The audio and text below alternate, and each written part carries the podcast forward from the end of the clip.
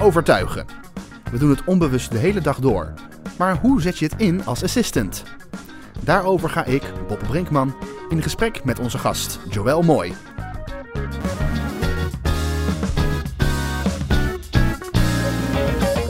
Joël, welkom. Leuk dat je er bent. Jij bent een expert in de, in de kunde om iemand op een goede manier te overtuigen. Toen ik daarover na ging denken, dacht ik van dat is volgens mij alsof je aan het dansen bent op een dun koord. Klopt dat? Ja, dat zou kunnen inderdaad. Op het moment dat jij bepaalde vaardigheden inzet om te overtuigen of iemand mee te nemen. En je hebt ze niet eigen gemaakt. Dus het lijkt heel erg op een trucje dat je aan het toepassen bent. Dan kan de ander dat niet pikken van je. Nee. Dus, daar, daar kan ik me in vinden, ja. Ja, interessant. Nou, we gaan het over, over jouw expertise en kunde gaan we het de komende 20 minuten uitgebreid over hebben. Maar dat doen we niet met z'n tweetjes, dat doen we met z'n drietjes. Ik heb namelijk een eh, assistant aan mijn zijde, een sidekick, tafeldame, eh, Simone van Gerben. Simone, welkom. Dankjewel. Leuk dat je er bent. Dankjewel. Kun jij, heb jij het idee dat jij iemand goed kan overtuigen? Heb jij dat in je? Ja, ik denk het wel. Je denkt het wel. dat is niet heel overtuigend, hè, zoals ik dat nu zeg. Maar uh, ja, als ik uh, ergens heel erg enthousiast over ben, uh, dan, dan heb ik het zeker wel in me om iemand te overtuigen. Maar ik kom wel altijd goed beslagen ten ijs. Ik bereid me altijd goed voor. En ik kom met argumenten. En meestal lukt het me wel, ja. Nou, Joël, brandlos zijn dit dingen die, die nodig zijn om iemand goed te overtuigen. Argumenten en, en enthousiasme. Ja, dat zijn zeker elementen om, om iemand te kunnen overtuigen. En dat hangt ook af van wie je tegenover je hebt. Want als je iemand tegenover je hebt die heel gevoelig is voor argumenten, dan zou ik zeggen, ja, bereid je heel goed voor. En, en probeer ook na te denken over wat zijn nou argumenten die bij die persoon goed aankomen. En we hebben allemaal LinkedIn tegenwoordig en het social media. Dus je kan ook wel een beetje van tevoren, ook al ken je iemand niet, onderzoeken van wat zou bij iemand aan kunnen sluiten. Dus het, het, heeft vooral te maken dat jij aansluit bij de persoon die tegenover je zit. En bij sommigen zijn hele goede argumenten belangrijk. Maar er zijn ook mensen die zijn meer gevoelig voor iemand die uitstraalt dat hij of zij het beste met de ander voor heeft. Dus voor sympathie. Of iemand die houdt niet van de reguliere oplossing, maar die houdt van iets authentieks en van iets uh, wat innoverend is. En dan, kan, dan heb je weer een hele andere stijl die aansluit. Dus kortom, je moet goed kijken van wie heb ik tegenover me en wat is de beste stijl bij deze persoon. Oh, wat interessant. Ik heb nog nooit bedacht dat het, dat het daadwerkelijk over, eigenlijk over de andere partij gaat dan over jou. Ja. ja dat meer over de andere partij gaat dan over dat het over jou ja, gaat. Ja, ja, we praten allemaal graag over onszelf natuurlijk. En we kijken graag naar onszelf. Maar je moet juist die ander inschatten. Wat kan ik doen? Hè? Ze zeggen wel eens van give them what they need to get what you want. Dus kijk eens van wat heeft iemand nodig om met jou mee te gaan. Ja. Dat is het idee. En hoe doe je dat? Hoe, hoe lees je iemand? Want misschien, ik weet niet, had een goede voorbereiding, dat, dat, zeg je natuurlijk net al, maar misschien heb je daar helemaal geen tijd voor. Nee, dat, dat kan soms gebeuren. En dan nog kan je op basis van een eerste indruk best wel een inschatting maken wie je tegenover je hebt. En dat kan bijvoorbeeld op basis van iemands professie. Dat zegt over het algemeen al wel iets over misschien een bepaalde voorkeurstijl. Ik kan me voorstellen als je iemand tegenover je hebt zitten die bijvoorbeeld een wetenschapper is of een, uh, een onderzoeker of misschien ook wel een jurist, dat je al van jezelf denkt van... hé, hey, hier moet ik met een goed verhaal komen, dat moet goed onderbouwd zijn. Terwijl als je iemand hebt die bijvoorbeeld heel erg uh, in de social media zit... of bij een marketing- en reclamebureau... dan gaat het misschien minder om argumenten, maar veel meer om gevoel. Uh, en om, om dat iets heel hip is of fris of een bepaalde uitstraling heeft. Dus kortom, je kan wel op basis van een beroep, maar ook uh, de energie die iemand uitstraalt, uh, hoe iemand praat, kan je wel al een inschatting maken van hé, hey, waar zou ik het beste aan kunnen sluiten. Oh, wat vet. Wist jij dit, Simone? Had jij, heb jij dit ooit zo ingezet in nee. je werk? Nee, nee, het is natuurlijk wel heel logisch als je zegt dat een wetenschapper bijvoorbeeld echt wel feiten nodig heeft Ja. om, uh, om overtuigd te worden. Maar echt zo over nagedacht, nee. Nee, want die neem je niet mee als je alleen maar zegt... joh, luister, dit is gewoon een heel goed plan... en de ins en outs zijn nog niet helemaal duidelijk... maar uh, dit werkt gewoon en moeten we gewoon gaan doen... want het genereert veel energie en het is echt nieuw en verfrissend. Nou, zo iemand zal even gechargeerd zeggen... nou, ik wil eerst wel eens weten of het bewezen is. Hè, is het ergens anders al toegepast? Wat heeft het opgeleverd? Hoe gaan we dat aanpakken? Dus dan, dan werkt dat uh, niet bij zo iemand. Nee, heb jij dit zelf ook door vallen en opstaan moeten leren? Ja, ik ben natuurlijk als uh, communicatietrainer ben je heel veel bezig met tools en vaardigheden en instrumenten. En heb ik ook gemerkt dat uh, gaandeweg, uh, omdat ik er veel mee bezig ben, maak je ze eigen. En gebruiken ze veelal onbewust en soms ook bewust om ja, iets te krijgen wat je wil. Ja. ja, dat klopt. En wat is dan een grote don't, een do-not, die je in je, in je leven al hebt ontdekt toen je nou, je moet niet over de weerstand van een ander heen willen stappen. Als iemand in de weerstand gaat, vinden we altijd lastig, hè? want wat, wat doen we dan? Hoe ga je daarmee om? Ehm, alleen als je er geen aandacht aan geeft en heel erg uh, op je eigen doel maar af blijft gaan, dan, dan raak je uit contact. En als je niet in verbinding met iemand bent, dan krijg je sowieso niets voor elkaar. Even, uh, ja. Heb je hier een, een concreet voorbeeld van? Een concreet voorbeeld. Nou, een heel uh, misschien nog wat luchtig voorbeeld is dat uh, je kijkt ook altijd naar iemands behoeften en iemands stijl. En ik heb uh, meegemaakt dat ik uh, graag iets voor mezelf wilde. Ik wilde toen de tijd was, had ik een vast dienstverband en wilde ik graag meer, meer vrije dagen opnemen. Of in ieder geval zodanig mijn tijd kunnen indelen om meer voor mezelf te gaan werken. En de leidinggevende die ik toen de tijd had, die, dat was iemand die behoefte had aan, aan structuur, aan, aan details, aan planningen. En daarom heb ik die, die vraag voor mij ook zodanig voorbereid. Dus ik ben uh, gaan nadenken over, oké, hoe ziet dan dat rooster eruit als ik dit wil gaan doen? Welke dagen wil ik dan vrij hebben? Hoe ga ik dat oplossen dat mijn werk hier gewoon voortgang kan blijven vinden? Dus dat heb ik helemaal van tevoren voorbereid, uh, ook op een, op een Excel-sheet uitgewerkt. en dat heb ik gewoon voorgelegd en helemaal laten zien dat er dus geen gevolgen waren of negatieve gevolgen voor de voortgang van het werk. En dat ik tegelijkertijd me kon gaan professionaliseren in een nieuwe carrière. Ja. En die persoon die in de eerste instantie toen ik zei ik wil graag met je praten over vrije dagen, toen zag ik een soort van, oh. Ging een muur op, ja. Ja, en vervolgens legde ik dat, dat vel papier neer en ging het toelichten. En zag ik ook de ontspanning komen bij de ander, want dat is wat je wilt doen. Hè? Je wil de ander ontspannen op zo'n moment. Um, en ze was ook sowieso wel betrokken bij mijn vraag. En daarmee ontstond dus dat ze met me ging meedenken en dat uiteindelijk ook oké okay was. Uh, en dat ik inderdaad uh, meer tijd kon gaan besteden aan toen de tijd nog mijn uh, start in het bedrijf naast mijn werk. Wordt dat, dat is een on ongelofelijke voorbereiding, is daar dus aan te pas gekomen. Je hebt eigenlijk volledig voor de ander gedacht ook. Een beetje. Ja, ik ben vooral gaan nadenken over wat heeft zij nodig ja. om mij te kunnen geven wat ik wil. Wat is haar belang? Wat is haar belang inderdaad. En haar belang is natuurlijk dat, dat de afdeling blijft draaien, dat de afdeling ook kan leveren wat ze moeten leveren. En mijn vraag zou, daar, uh, zou dat in de wielen kunnen rijden. Dus ik ben vooral gaan nadenken, wat moet ik haar nou geven om mee te gaan met wat ik wil. Ja. En dat was comfort op dat de winkel gewoon open kon blijven, dat alles door zou gaan en dat, dat er geen problemen zouden ontstaan door mijn, uh, mijn verzoek. En uiteindelijk uh, nou, heb ik een positief antwoord gekregen en vond het uit ook, ook heel leuk. kon daardoor ook zeggen, goh, wat leuk eigenlijk dat je dit wil gaan doen. En dat, ja. dat wil ik best ondersteunen op deze manier. Ja. En um, los van het feit dat je dus in de ander ja, eigenlijk verplaatst, hè, het belang van de ander zoekt, zijn er nog andere technische tools die je misschien in kunt zetten? Denk aan uh, hoe je je stem gebruikt, hoe je, hoe je, in, een, hoe je in een ruimte staat. Ik weet niet, wat, misschien al wat voor kleren je aantrekt ja. ochtends, misschien ja. een kleur. Ik weet. Ja, ook in die dingen, ook kleding, maar ook over hoe je spreekt. Je gaat altijd nadenken van hoe kan ik uh, in eerste instantie aansluiten bij de ander. Dus als ik uh, voor een groep mensen moet gaan staan, pas ik ook mijn kleding aan uh, aan nou ja, de, de gedachten die ik heb over de groep. Uh, als ik sta voor een, een groep mensen die meer in de zakelijke dienstverlening zit, dan zou het risicovol zijn om heel erg sportief en casual gekleed te zijn. Het kan zijn dat die groep mij dan niet serieus of serieus genoeg neemt. Dus dan zou ik beter inderdaad een jasje kunnen aantrekken of een, of een pak.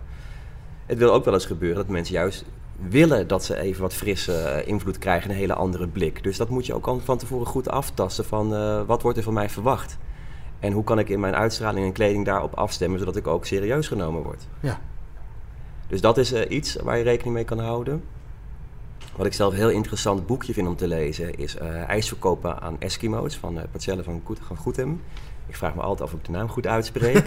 maar dat vind ik een leuk boekje omdat zij op een hele praktische manier uitlegt hoe je dus kan overtuigen. Ik zei er straks al zoiets over of je iemand uh, volgens mij uit expertise benadert of meer vanuit dat je het beste met iemand voor hebt of dat je juist iets heel fris of iets nieuws en authentieks wilt brengen. Het komt ook uit, uh, uit uh, die koker. En zij legt in het boekje iets uit over onze hersenwerking, over hoe, hoe wij als we gespannen zijn wat meer primair gaan reageren. Dus vluchten, vechten of bevriezen. Um, en zij geeft ook een aantal hele praktische tools mee hoe je dus de ander kan ontspannen in het contact. Zodat hij meer open gaat staan voor wat je te vertellen he hebt. Zodat hij meer open gaat staan voor wat je te vertellen hebt. En een van de dingen die daar ook een rol in speelt is het gebruik van de stem. Want het is zo dat een wat hogere stem eh, wordt vaak wel als sympathieker ervaren, maar heeft ook wat minder impact aan de andere kant. En een lagere stem wordt vaak als wat meer uh, autoriteit ervaren en heeft meer impact. Het voorbeeld wat zij zelf altijd geeft is: uh, stel je bent aan het einde van een vergadering en je hebt nog een punt wat behandeld moet worden. Dan kan je dat op twee manieren doen. Je kan terwijl iedereen opstaat roepen: Oh jongens, voordat jullie gaan, wil ik nog even één punt met jullie bespreken. Dat is hoog in mijn register en ook met een bepaalde snelheid. Ja. Je kan ook zeggen: Jongens, voordat jullie weggaan, wil ik nog even één ding met jullie bespreken. En dan is de kans groter dat mensen weer even gaan zitten en naar je luisteren. Ja. Vanwege de toon, vanwege de rust en ook de pauze die je laat vallen. ja. Dus ook met stemgebruik kan je bewust werken om meer impact en meer invloed te hebben. Oh, wat gaaf. Ja, ik, het, nu, je- nu je dat zo voordoet, merk ik inderdaad gelijk dat die hoge stem al gelijk op een hele andere manier bij mij binnenkomt dan, dan, dan die lage stem. Hoe, is dat, hoe zit dat bij jou, Simone? En, en hoe wordt dat op jouw werk ingezet? Oh. En, hoe is jou, en hoe is jouw stem eigenlijk? Nou, ik denk als ik dadelijk terug ga horen, dat ik denk, oh jee. Ehm, ik denk niet dat ik heel bewust mijn stem gebruik eh, bij het overtuigen van mensen. Volgens mij gaat het bij mij meer vanzelf. En ik heb het idee dat ik me altijd een beetje aan, de, aan degene tegenover me aanpas. Inderdaad, als die heel rustig praat, ga ik eigenlijk heel rustig meepraten. Maar dat is meer eh, instinctief. Ja, Het is niet dat ik daar heel bewust mee omga. En ehm, als ik zo denk aan mijn werksituatie. Ik weet niet of er mensen zijn in mijn omgeving die dat heel bewust doen. En als ze dat doen, dan doen ze dat wel heel eh, natuurlijk.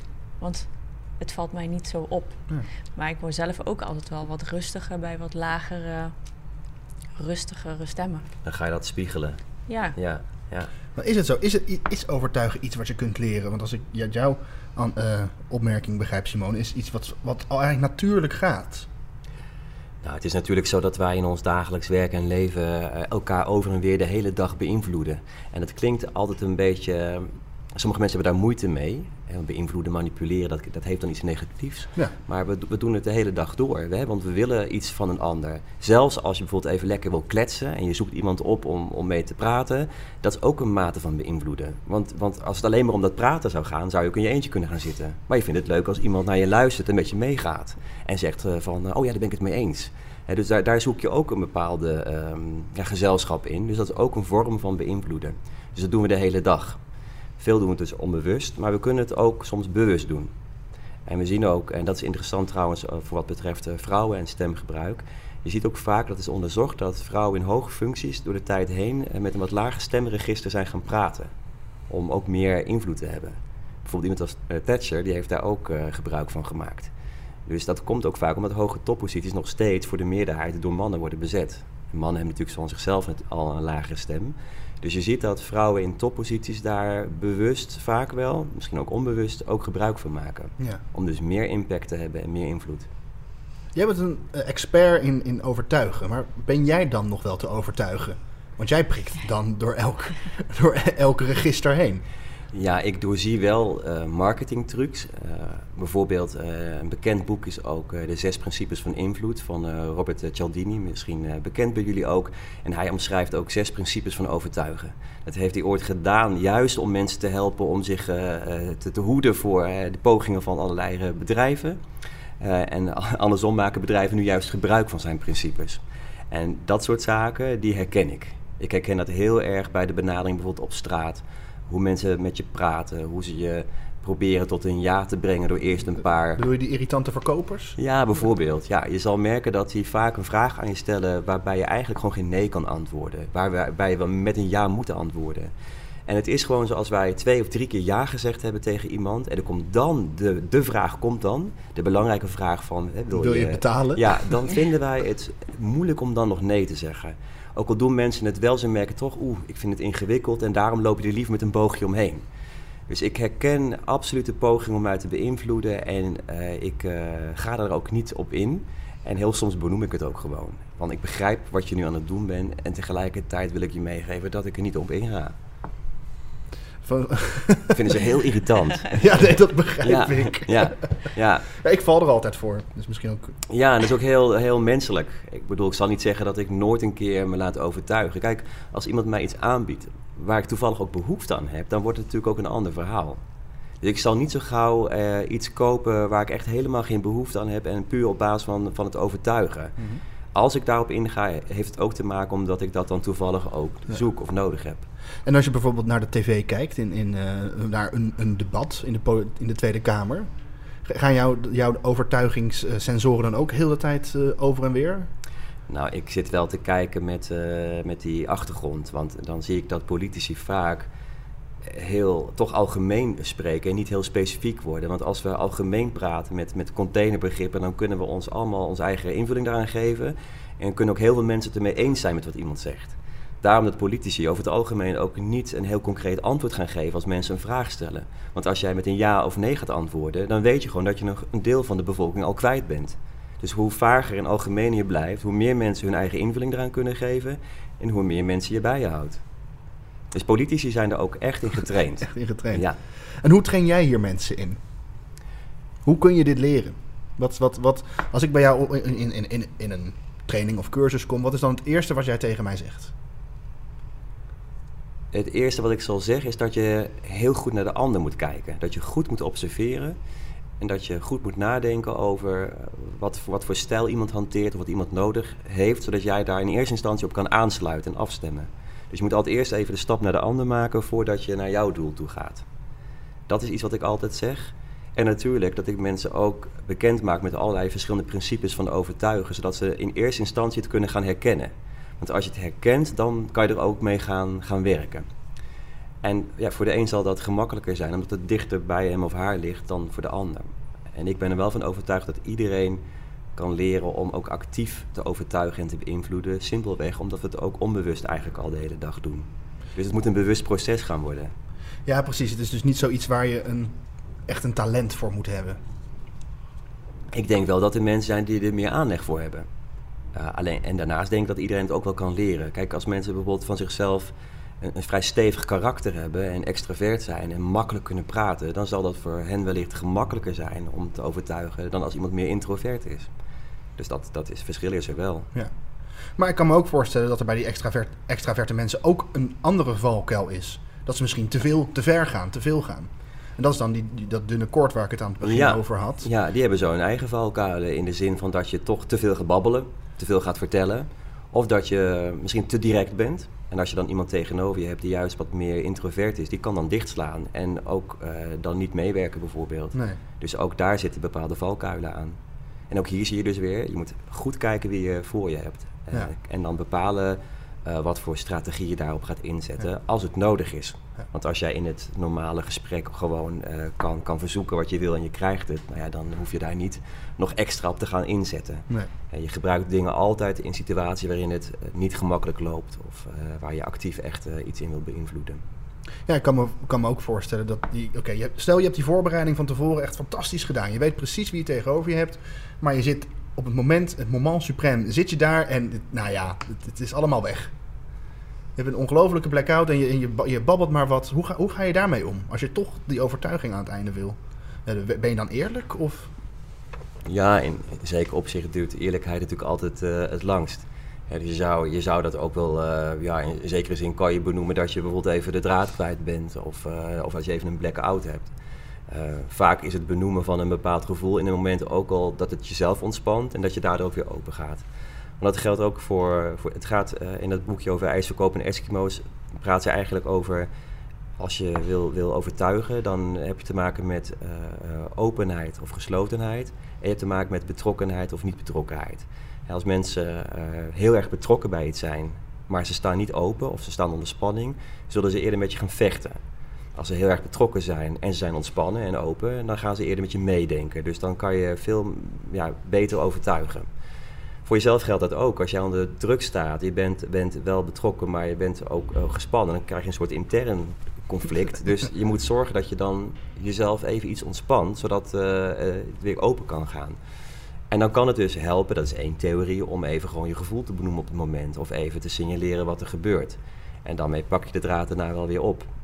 Dat is één tip. Ja. Alleen ja, het is voor iedereen kan natuurlijk ook anders werken. Ja, dat lijkt me ook zo moeilijk. Het is zo ongelooflijk, ja, bijna ook maatwerk, dat, dat overtuigen. Want iedereen is anders. Iedereen is anders. En iedereen heeft net misschien een ander klemtoontje nodig Ja. of een ander... Ja, dat klopt inderdaad. Dus dat heeft dus, daarom begin ik ook altijd met kijk goed naar de ander en stem goed af. Want zelfs al heb je een bepaalde strategie bepaald, het kan zomaar gebeuren dat je in het gesprek met de ander bijvoorbeeld waarneemt dat iemand afhaakt. Dat kan je zien als mensen op hun horloge gaan kijken of ze, of ze zuchten of ze draaien zich weg. Dan is de kans aanwezig dat iemand met iets anders bezig is. Dus dan gaat het er ook om, hoe hou je iemand dan weer bij de les? Ja. En moet je misschien flexibel zijn in je strategie en iets anders gaan inzetten. En dat is nou uiteindelijk altijd de kunst bij communicatie. Je kan natuurlijk 110 trucken aanleren en vaardigheden. In de praktijk komt het erop aan dat je gevoel gaat ontwikkelen wanneer je wat inzet. Ja. Dat maakt het eh, zo'n een uitdagend iets. Het is bijna mensenwerk. Ja, er is niet een recept van eh, situatie A, dan doe je dit en dan komt het altijd goed. Nee. Dus dat, dat is misschien ook een beetje het frustrerende van die zaken. Je kan het natuurlijk zo leren. Alleen ja, de praktijk moet je echt gaan aanvoelen van nou, wat ga ik inzetten. En kan ik ook flexibel zijn om weer een ander pad in te slaan als ik merk dat het niet werkt. Nee. Ja, dat is ook de uitdaging, denk ik. Absoluut. Simone, zie jij nog een uitdaging dan in je, in, in, in je werk?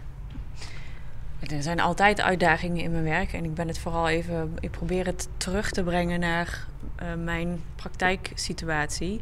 Ehm, en dan heb je vooral te maken met mensen die je eigenlijk al heel goed kent, Ja. omdat het vooral je collega's en vaak je basis die je moet overtuigen en die ken je op zich eh, vaak wel goed. Ja, Ehm, dus dan is het inderdaad nog steeds een kwestie van goed voorbereiden. Ehm, je moet alleen even kijken op welke punten je dan goed moet voorbereiden. Dat is Ja. natuurlijk voor elke eh, persoon weer Ja, anders. omdat je elkaar ook door en door kent. Ja, Ja. Ik, hoef geen, ik hoef geen onbekende te overtuigen over het algemeen. Hè? Of ik moet een p- nee, project dat, hebben. dat Maar scheelt. Ja. dat scheelt wel. Scheelt maar, dat, ja?